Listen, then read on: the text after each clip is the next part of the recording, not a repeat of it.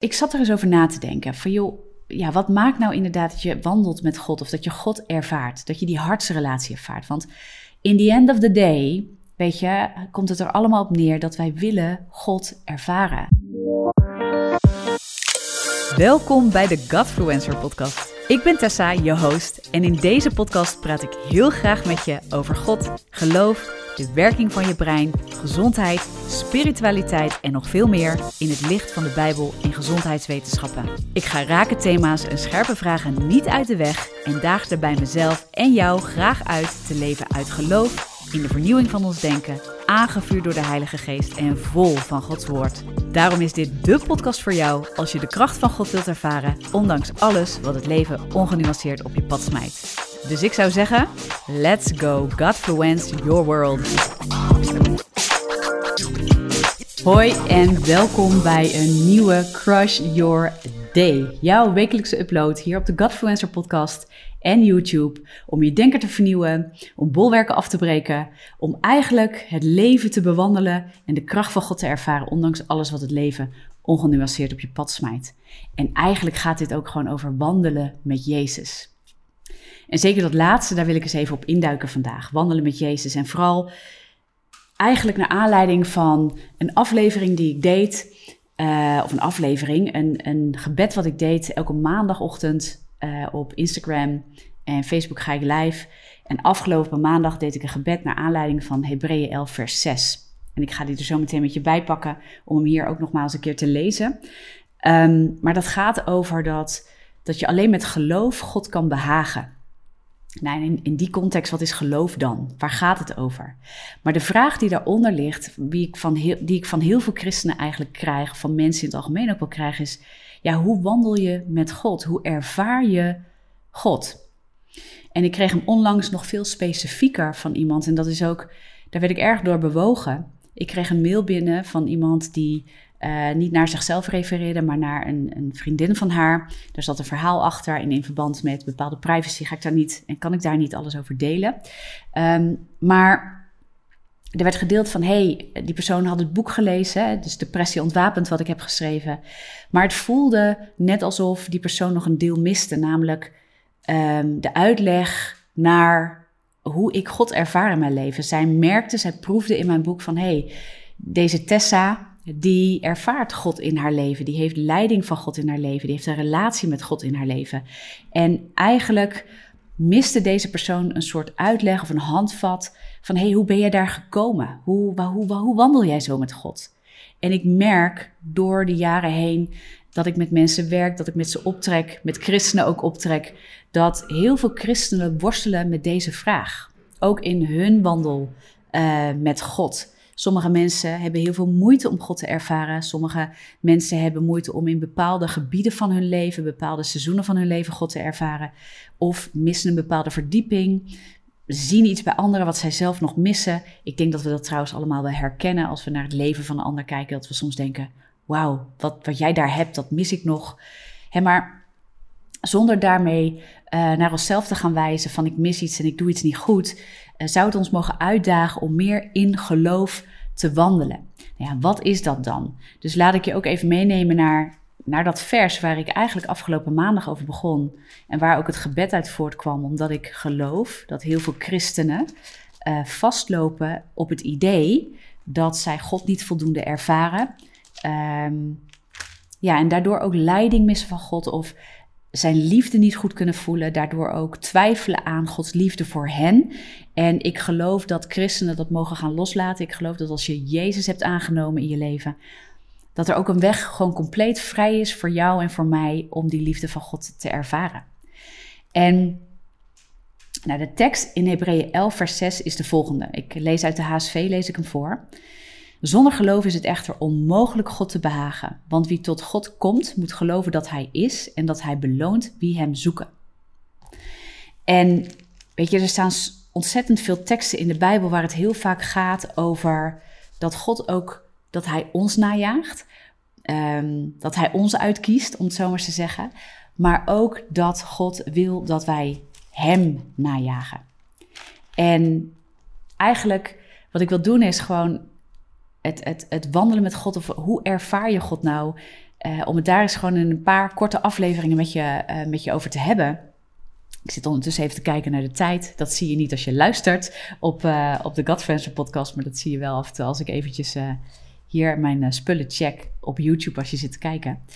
Um, maar er zijn eigenlijk een aantal. Ik, ik zat er eens over na te denken. Van joh, ja, wat maakt nou inderdaad dat je wandelt met God of dat je God ervaart? Dat je die hartsrelatie ervaart? Want in the end of the day, weet je, komt het er allemaal op neer dat wij willen God ervaren. En dat is ook wie God is. Hij wil niet dat je op een afstand van hem blijft. Hij wil niet dat je alleen maar verstandelijk begrijpt dat hij bestaat en dat hij de God van deze wereld is. Hij wil een relatie met jou en mij. En als je uit een relatie en in een relatie wandelt met hem, is het ook veel makkelijker om daarin die leiding van God ook over en voor je leven te ervaren. En dat zoeken we ten diepste. Weet je, we zoeken relatie met God omdat we willen weten uh, wie Hij is voor ons en wie wij zijn voor Hem. We willen voelen dat Hij met ons begaan is en met ons leven betrokken is. En we willen leiding. We willen dat Hij tot ons spreekt. dus de stem van God verstaan of Gods leiding ervaren of sturing ervaren of Zijn aanwezigheid ervaren. Dat zijn allemaal vragen die daaraan gekoppeld zitten. Nou, en er zijn eigenlijk drie dingen waarvan ik denk, daar wil ik kort eens aandacht aan besteden. Dus ik denk dat ik deze aflevering opdeel in drie afleveringen die de komende weken online gaan komen. Um, en de eerste wat ik wil delen, uh, het eerste stuk, want ik heb daar dus over nagedacht, van hoe maken we dat nou praktisch? Ik heb het de afgelopen aflevering heb ik het gehad over bolwerken afbreken in je leven en de vernieuwing van je denken. En, en daaruit voortkomt toch dat mensen gaan vragen: ja, maar hoe wandel ik dan zo op die manier met God? Hoe doe ik dat? Hoe kom ik daar? Een beetje dat.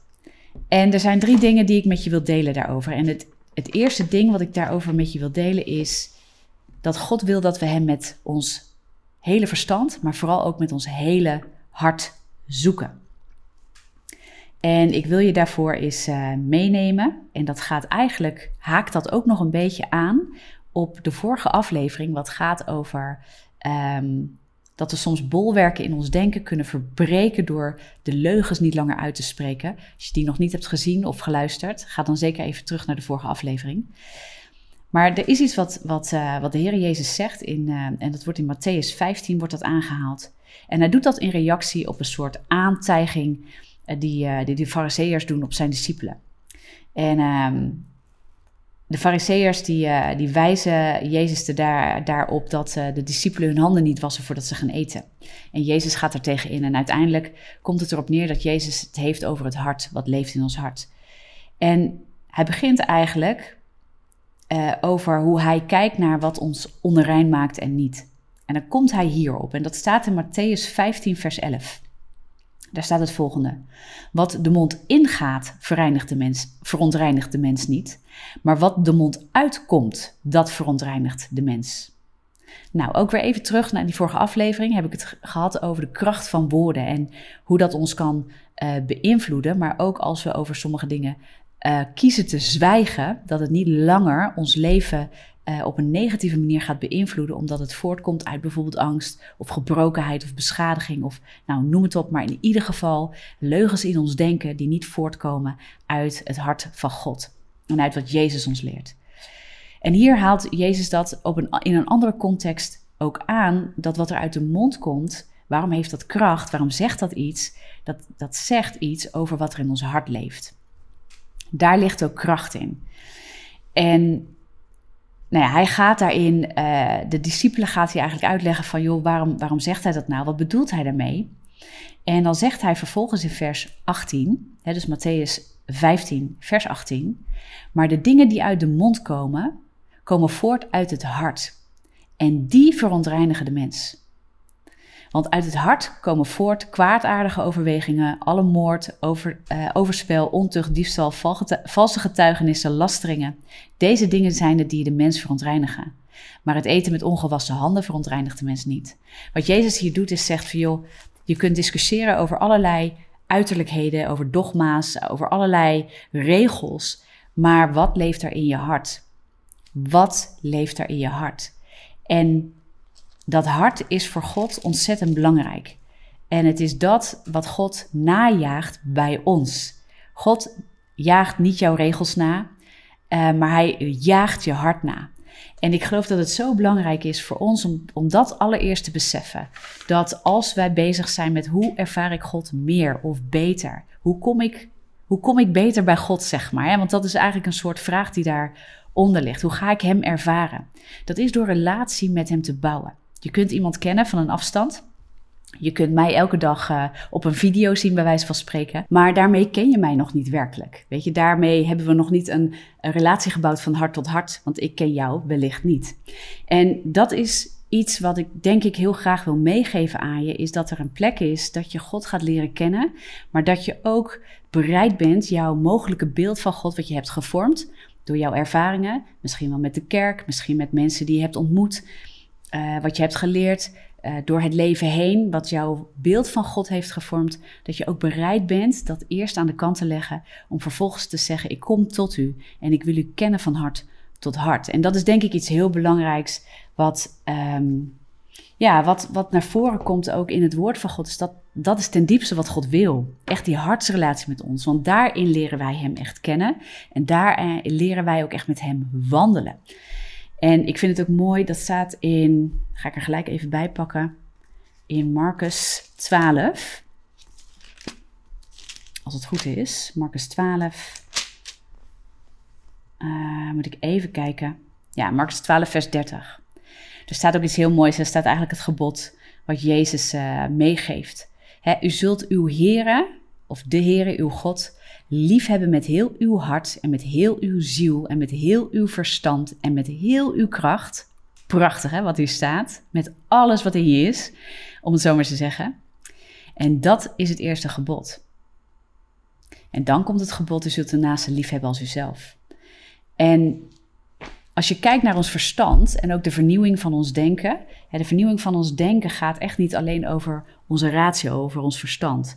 Maar zoals Romeinen 12, vers 2 daarover spreekt, de vernieuwing van de gezindheid gaat over je hart, eh, je emoties en je eigen wil. dus alles in jou, dat mag gaan vernieuwen. En dat gebeurt vanuit een hartsrelatie. Openbaring, dus, dus wanneer iets dat je uh, hebt gehoord als voorwaar, zeg maar. Hè? Dus je leest het woord van God of je hoort iemand iets spreken en je denkt: oké, dit, dit zou dus waarheid moeten zijn. Op het moment dat dat binnenkomt en gaat leven voor jou en mij, dan is het werkelijk een openbaring geworden. Hè? Dan gaat het leven in je binnenste. En dan worden dat eigenlijk de overtuigingen die veel dieper zitten en niet iets wat je alleen verstandelijk weet. dus het hart gaat boven de redeneringen van ons denken, hè, dus, dus de verstandelijke redeneringen die voortkomen ook meestal uit wat er in je hart leeft. Um, maar het hart gaat over dat wat iemand werkelijk is, die, dat wat je bent, waar je echt voor staat, je waarden en normen, wat je ten diepste werkelijk gelooft. En dat maakt ook dat dat gaat over wat je werkelijk najaagt. En wat God van ons vraagt is dat we Hem najagen vanuit ons hart. Dat wie we zijn en dat alles waar we in geloven, dat we dat eigenlijk bij Hem brengen en dat we Hem gaan najagen daarin. Dat we alles voor Zijn voeten werpen en dat we komen tot het moment dat we zeggen, overal waar ik in geloof, waar het ook op gebouwd is, of het nou mijn angsten is, mijn geloof wat, wat al gevormd is in u, wat ik nog niet ken, de ideeën die ik heb, het idee dat ik heb dat ik, dat ik niet geliefd ben door u. Ik breng het bij u, want het woord zegt dat ik wel geliefd ben en dat ik door Jezus Christus gewoon met u verbonden ben en dat ik u kan leren kennen. Zoals Efeze zegt, ik haal het tegenwoordig vaker aan, de plek waar God ons leert um, dat Hij ons wil leiden in de gedachten van Christus en, en dat ons brengt tot de volheid en het kennen van God zelf. En nou, daar wil ik je in deze aflevering zo uh, mee bemoedigen.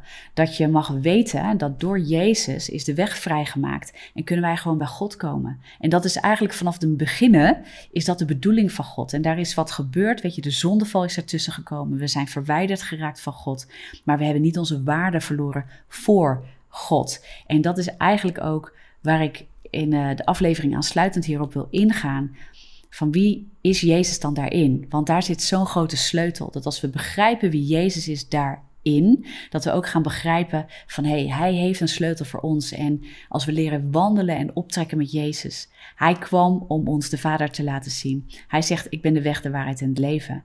En daar zit zo'n sleutel dat als we kijken naar Jezus, dat het ons hart steeds meer bewerkt en opent om te wandelen met God. ook door de Heilige Geest. Dus laat ik je daar zo nu in bemoedigen.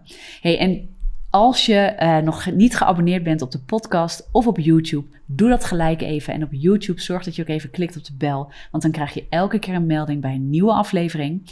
En wat kan ik nog meer zeggen? Als je fan bent van de Godfluencer podcast of van YouTube, in ieder geval van de, van de kanalen van Tessa van ons Ministries, deel het lekker met anderen. Zorg dat het uh, ergens in beeld komt bij mensen die het ook nodig hebben.